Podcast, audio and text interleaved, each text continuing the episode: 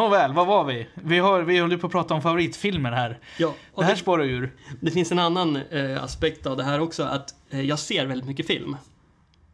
Och eh, trots att jag har sett så många filmer så är jag väldigt dålig på att eh, komma ihåg vad de heter, skådespelare, vad de heter, vilka filmer de har varit med i. Det är jättesvårt. Jag, jag lägger det liksom inte på minnet. Har du ens sett klassikerna? Har du sett Citizen Kane? Nej. Har du sett 2001 A Space Odyssey? Ja, den har jag sett. Det har du sett? Har du förstått den? Obviously, nej. Okej. Jag har sett den en gång. Eh, Jag tyckte att den var bra. Men jag kommer inte ihåg så mycket av vad den handlar om. Den är nästan över, vad kan det vara? Det är en två och en halv timmes lång film. Så att det är svårt att komma ihåg allt. Ärligt talat, allt jag kommer ihåg är eh, monoliten i slutet. Aha, den är frän. Monoliterna. Det är flera monoliter. Ska jag förklara? Ska jag förklara två Ska, Please do. ska jag förklara? Nu ska jag...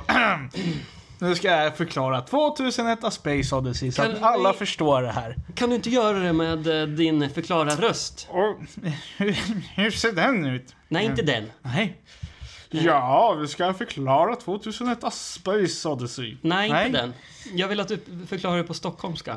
Ja, då, då, ska vi... Då ska, vi, ska jag försöka förklara här hur 2001 A Space Odyssey fungerar va. Och det är ganska enkelt va egentligen. Vi börjar från början. Eh, Det är ett antal apor som sitter ute i vildmarken och försöker överleva. Det är vad de försöker göra va. Det, är liksom, det kommer geoparder, precis en sån där som tröja som du har. En sån kommer och attackerar. Och äter upp de här stackars aporna va. Och sen eh, försöker de dricka lite vatten i vattenhålet. Men det går inte heller så jäkla bra va, för då kommer andra apor och liksom slår dem och jagar bort dem därifrån. Och de försöker bara liksom överleva vardagen här ute i vildmarken. Uppenbarligen är det så att vildmarken äger eh, aporna så att säga, snarare än att aporna äger sin miljö. Mil- Miljön dominerar aporna. Det kommer jag inte ihåg. Det är så det börjar i alla fall. Och sen händer det någonting då. Helt plötsligt en dag så står en monolit mitt bland aporna när de vaknar. Och aporna blir alldeles till sig, står och dansar och hoppar och sjunger och joddlar. Och så är det- är det en liten apa där som är lite modigare än de andra aporna. Han springer fram och han, de står där och hoppar och han känner liksom på monoliten, tar på den, men han är rädd. Alla är rädda men uppspelta. Sen går det en liten tid då. Eh, Ingen riktigt vet, säkert någon dag, kanske en timme, ingen vet va. Men eh, då kommer den här apan då. Eller, det, nej förresten, det börjar med att, att solen och månen och andra planeter står liksom i linje med varandra. Man ser det här från monolitens perspektiv, va, lite underifrån. Och då händer något med troligtvis den här apan som varit och tafsat på monoliten då. Han hittar ett skelett. Han tar upp ett ben, börjar fingra på benet och så får han en idé här. Och så hör man den här klassiska 2001 Space Odyssey-musiken va? nu, blev det värmländska. Men nu är det inte... Ja, hur som haver. Den här Space Odyssey-musiken, är, visst är det lite, det stråkar, det är klassiskt? Ja, den är pampig. Den är pampig vet du. Den är, den är, jag tror Strauss den yngre som har gjort den, eller så är den äldre, men jag tror det är den yngre. Den är, är trummor och grejer och så är den mäktig och så är den orgel tror jag på slutet också. Jävligt häftig, men den här lilla schimpansen har fått en idé att han ska använda den här benet då som ett verktyg. Han kommer på att jag kan klubba djur med den här. Jag kan försvara mig mot leoparden och jag kan klubba bort de andra eh, aporna från vattenhålet. Och då har han ju utvecklats va, från att vara den här primitiva schimpansen då till att bli någonting större, förmodligen en människa. Och så lär han hela flocken använda det här verktyget. Och genom verktyg så har de lärt sig att dominera sin miljö. Och eh, på så vis har de blivit människor. Och rajst och bim så hoppar vi ut i rymden direkt för att nu är det bara trams där mitt emellan. Nu tar människorna ett kliv ut i en ny miljö va, som inte vi riktigt behärskar och det är rymden. Där är vi lika klumpiga då som aporna nere i tidigare. Men har filmen, eh, den har alltså gått från urmänniskan, eh, man får se hur den blir, alltså apan blir människa genom monoliten. Ja, Och sen så spolar man framåt i filmen och så är det typ framtid. Helt rätt va! Vi är ute i rymden, vi är på väg ut till en rymdstation. Det är där vi klipps in direkt. Vi får träffa någon forskare där som är på väg till månen, för där har de hittat en ny monolit vet du. Så där händer det grejer. Men vi är jävligt klumpiga ute i den här rymdmiljön. Vi, har liksom, vi är sårbara på alla sätt och vis. Va? Men den här nya monoliten då, den eh, ger oss en ledtråd. Den säger att vi ska åka ut till, eh, jag tror det är Saturnus va? Saturnus ringar. Så att för att ta oss ut dit, ja men då bygger vi ett jättehäftigt rymdskepp som ser ut som en spermie. Och i den här spermien så har vi... ja, men den, den, den gör det, den gör det. Titta själv får du se. Därför har vi också byggt ett nytt superverktyg, en AI. Och det här verktyget är så kraftfullt så att den, eh, vi behärskar den inte. Den börjar dominera oss istället. Men var det som det här benet som apan hade? Det var ett verktyg och sen så när, han, när då mänskligheten träffade monoliten igen så utvecklade de AI. Nej, det var nog snarare så här att den monoliten skickar bara åk dit. Och på eget bevåg så utvecklar vi den här eh, AIn då. Mm. Jag har nog kanske gjort det i alla fall. Mm. Men väl och sagt, när vi kommer ut då efter mycket om och men och hiskeligheter och eh, diverse äventyr med den här eh, AIn. Det blir jävla kamp där. Så träffar vi den monoliten så puff åker vi iväg in i någon konstig dimension som ingen riktigt vet var. Hamnar i ett konstigt rum va. Huvudpersonen sitter och träffar sig själv på olika sätt, olika stadier av sitt liv. Men avslutningsvis så sitter han och käkar en middag va, en trevlig, trevlig middag. En god stek. Och så får han lite vin va, i en, i en kopp, i glaskopp. Och så hivar han ner den här glaskoppen då full med vin. Glaset går sönder, men vinet ser du, vinet är kvar.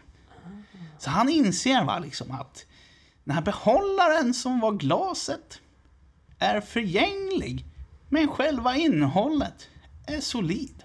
Han är redo för nästa steg i mänsklighetens utveckling. Och ny monolit dyker upp. Och puff så återföds han här då som en Starchild. Han föds ute i rymden. Han är en del av den här miljön och nu kan han kontrollera även rymden. Va?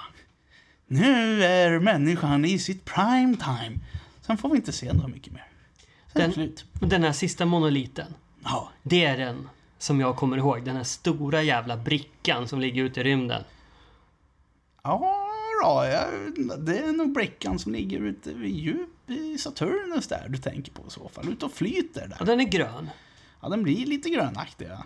Ja. Du kan den här filmen som eh, din egen handske. Ja, jag har mina teorier va. Det är så det är. Den är fin. Otroligt. Jag måste se om den för att det, Ja, men det måste du göra. det måste jag garanterat göra. Shit. Den är ganska häftig när man tänker på det. Och sen är det, tror jag så också att den är lite gjord på uppdrag av amerikanska staten för att promota Apollo 11, eller Apollo-programmet ska jag säga. För att skapa ett intresse för rymden och en större acceptans för den stora budgeten som Apollo-projektet tog upp av statsfinanserna. Okej, så den kom på typ 70-talet? eller? Nej, tidigare än så. Måste ha varit 68 eller något sånt där. Jag kommer inte ihåg när första Apollo-skjutningen var. Okej, det var innan månen alltså? Det var innan månaden, men någonstans där omkring. Helt sjukt. Helt sjukt. Vilken guldrulle. Jajamän. Låt oss se den ikväll och dricka öl och bli shitfaced. Den är ganska psykedelisk också, är den Ja, inte det? den har typ 20 minuter lång psykedelisk färd. Han hamnar i den här femte, sjunde, åttonde dimensionen eller vad fan det nu är. Jättemärkligt. Alltså det är ju fadern till alla sci-fi. Ja, men det måste kanske vara det. Den och några till. Fast jag skulle nog hävda, vad heter han? Eh, Stiftelsen-böckerna. Vad heter han? Han som skrivit Jag Robot ursprungligen. Asimov. Asimov. Just det, han. Han är the father. The father of sci-fi. Och så får vi inte glömma bort den här Världarnas krig. Den på- kom på slutet av 1800-talet. Den gamla klassikern. Vad heter han som har skrivit den då? Jules Verne? Ja, jag har ingen aning. Är det Jules Verne? Det kan det vara. Du har bättre koll på det här. Du kan lura- mig till månen om du vill. Ja, det kan jag göra. Ja, men, men otroligt. Otroligt. Otroligt spännande. Vad finns det mer att säga om film efter detta utlägg om en av historiens mest klassiska sci-fi filmer 2001 A Space Odyssey? Ingenting. Case closed. Tack och bock.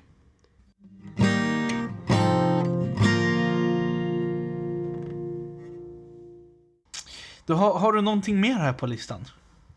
Ja, det har jag faktiskt. Eh, Jag tänkte att vi skulle prata om kortsiktiga och långsiktiga belöningar. Det känns ju igen från vardagen. Det gör det. Och det här var alltså framförallt en trend kring 2010-talet som det här var på alla släppar. Och därav så har det blivit mer eller mindre kutym nu att alla känner igen det här med att... Ja, grundproblemet är att alldeles för många i samhället tänker kortsiktigt. Kan vi komma på något exempel på problem som skapas av kortsiktigt tänkande? Miljöproblem. Det är väl en gammal klassiker. I allra högsta I grad. högsta grad. Klimathotet. Mm. Det är väl förbannat kortsiktigt att bränna fossila bränslen. Ja, det där är ju en intressant tanke då. då. Om man tänker så, så, så tror jag att eh, varje civilisation måste ha någon form av otrolig energikälla. Jo, så är det, men vi visste för så länge sedan att förbränning av fossila bränslen kommer att skada klimatet. Det kommer att påverka växthuseffekten. Detta har vi vetat sedan 70-talet. Kanske inte när vi började bygga bilar. Men nu vet vi det och vi har vetat det i 30, 40, nästan 50 år. Ja, men här är det intressant då. Det var hit jag ville tänka, eller komma snarare. Det var att på något sätt så här, för att utveckla alternativa eh, energikällor. Vi tar den enkla som vi har haft väldigt länge, kärnkraft. Det hade vi inte kunnat gjort utan, ja, olja. Hade vi kunnat utveckla solceller utan olja? Nej. Hade vi utvecklat vindkraftverk utan olja? Nej. Kan vi utveckla det som är den riktigt häftiga och kanske långsiktiga enda energikällan som är otroligt viktig att vi lyckas skapa nu. För långsiktigt, apropå långsiktighet, det är ju fusion. Där vi slår ihop atomkärnor istället för att separera dem. Den energikällan är mäktig. Den måste vi ha. För hur ska vi liksom kunna ta oss ut i rymden på ett annat sätt? Nu pratar jag långsiktigt här, jättelångsiktigt. Så är det så otroligt viktigt att medan det här lilla, lilla fönstret som vi har våran olja och vi kan konsumera och vi, ja, vi vet att vi smutsar ner. Då måste vi lägga all, inte all, men väldigt mycket av våra resurser på att utveckla en långsiktigt stabil energikälla. För sen kommer det bli svårt. Det kommer vara jobbigt och otroligt kostsamt att utveckla dem. Och här har vi gjort ett stort strategiskt misstag som inte har satsat mer på andra energikällor som är, som inte är vind och vatten och eh, solceller utan en ännu kraftfullare energikälla. Jag håller med dig. Vi behöver fusionen. Och eh, jag håller också med om att eh, oljan var ändå grunden och kolet grunden till att vi, eh, att vi kunde komma till kärnkraften och till vindkraften och solkraften. Men samtidigt så var det ju kortsiktigt tänkande. För när började vi utveckla de här eh, metoderna? Det var ju ganska sent. I synnerhet vindkraft och solkraft som har kommit starkt på de senaste 20 åren. Även fusion. Men ja, Ja, och fusion är ju ännu längre fram då. Men vad hade hänt om vi hade börjat eh, med elbilar till exempel istället för fossildrivna bilar Mm. redan på 50-talet när T-Forden tillverkades? Visste du att det fanns elbilar på 50-talet? jag visste att det fanns elbilar redan på slutet av 1800-talet. Du kan tänka dig vart vi hade varit idag om vi hade följt det spåret och tänkt mer långsiktigt på miljön. Det är svåra frågor det här, därför att man förstod inte riktigt konsekvenserna av att använda olja då. Men det är ta mig fan kortsiktigt tänkande. Ja, det kan vi i alla fall hålla med om. Och det finns massa andra saker med kortsiktigt tänkande, till exempel sms-lån. Mm, det är kortsiktigt. Extremt kortsiktigt. Varför finns ens sms-lån? För att någon tjänar pengar på det. Bra svar. Jag är så rekorderlig ibland. Herregud. Men det finns också därför att det finns ett eh, behov. Det finns en efterfrågan att låna snabba pengar till hög ränta. Och den efterfrågan borde inte finnas. Eller hur? När man tänker efter så, nej. Men man hamnar alltid i trångmål någon gång. Frågan är vad man tar sms-lån för. Vi har alla sett Lyxfällan. Eh, Folk tar den för alla möjliga jättekonstiga anledningar. Kanske för att de behöver köpa kattmat. Otroligt. Och det är det här jag menar med det kortsiktiga tänkandet. Det finns fler exempel. Varför tar man knark? Egentligen. Att det är förbannat jävla kul. Precis, men tänker man på morgondagen? Knappast. Nej, kanske inte. Ja. Men eh, det är i alla fall konstaterat att det här är ett problem. Om fler personer tänkte långsiktigt så skulle samhället i som sin helhet faktiskt tjäna på det. Mm. Och då har jag läst en liten artikel här och så har jag lärt mig att det är inte så enkelt som man kan tro. Det är inte bara att säga till folk att tänka långsiktigt. Okej, det är någon form av biologisk eh, begränsning här. Precis, det är biologiskt betingat. Därför att det finns olika system i hjärnan som aktiveras beroende på om man får en kortsiktig belöning eller en långsiktig belöning. Ah, berätta mer. Då är det så här att man har gjort ett test på många människor där man ställt frågan om du får 10 dollar nu i handen. Eller om du får 11 dollar om en vecka. Vad väljer du? Och nästan alla väljer 10 dollar nu. Jag vill ju bara inflika en liten grej här också. Som man inte ska misskreditera. Och det är tiden är faktiskt en riskfaktor. Det kan hända väldigt mycket på de här dagarna. Du vet inte om de där 11 dollarna kommer finnas kvar där då. Nej. Så de kanske är borta. Eh, borttrollade, vad vet jag. Ja, det är en faktor man måste räkna in. Så en dollar mer på 10, det är inte så jättemycket. Så att då kanske, då är det nog ganska, inte strategiskt jättefel att ta 10 dollar direkt i handen. Hmm. Ja, det var inte riktigt den poängen jag ville eh, Nej, jag vet. visa. Jag tyckte bara att det var så här 10 till 11 dollar. De skulle säga ja men ta 10 nu eller få 20 sen. De borde dra till lite. Ja. Då. Ja. Då kanske det hade blivit ändrat. Ja. Men är, om man vet att det är säkert att du får 10 nu eller 11 sen så kommer ändå väldigt många välja 10 dollar. Och det, finns en, det är väldigt många som gör det valet och det finns en förklaring till det här. Och då är det så här att det finns två system i hjärnan som aktiveras. Mm. Det kortsiktiga behovet. Om du får någonting, om du gör någonting som är kortsiktigt, då får du, ett, då får du en belöning. va? Och det här belöningssystemet, det finns i någonting som kallas de striatala strukturerna i hjärnan. Oj, det lät som det är långt in och väldigt primitivt. Det är stä- typ apan inom mig. ja, det stämmer precis, därför det är kopplat till känslor. Oh. Sen finns då va, det långsiktiga belöningssystemet. Och det finns i prefrontal cortex. Det lät långt fram. Där man nickar. Där, där så mycket händer. Där man blir slagen när man boxar. Där man nickar eh, bollar.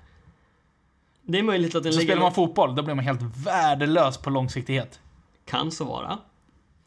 Men vad jag vet om det här, jag vet inte riktigt vart det ligger i hjärnan, men det hör ihop med numeriskt tänkande och jämförelser. Så Och ingenjörer, de är fenor på det här. De är jävla partypoopers. Men finns en dag imorgon. Man skulle kunna dra det sambandet att det finns en korrelation mellan långsiktigt tänkande och eh, matematisk talang. Mm. Jag har ju ingen eh, jättebra matematisk talang. Om jag, det går, om jag öv- övar upp den då, vilket jag har gjort. Vad hamnar jag då? Kommer jag öva upp även mitt eh, långsiktiga, min förmåga till långsiktigt eh, handlande? Ja, jag är ingen expert då va. Men enligt mina teorier, så ja. Du kan öva upp det långsiktiga tänkandet genom att plugga matte. Mer matte i skolan, dit med dem, bam, fram med linjalen. Räkna. Vi har hittat lösningen på samhällets alla problem. Mm. Jag visste att fysik och matte kommer alltid slå tillbaks. Man får aldrig in på de grejerna. Går inte. Se där. What Intressant. goes around comes around. Ha!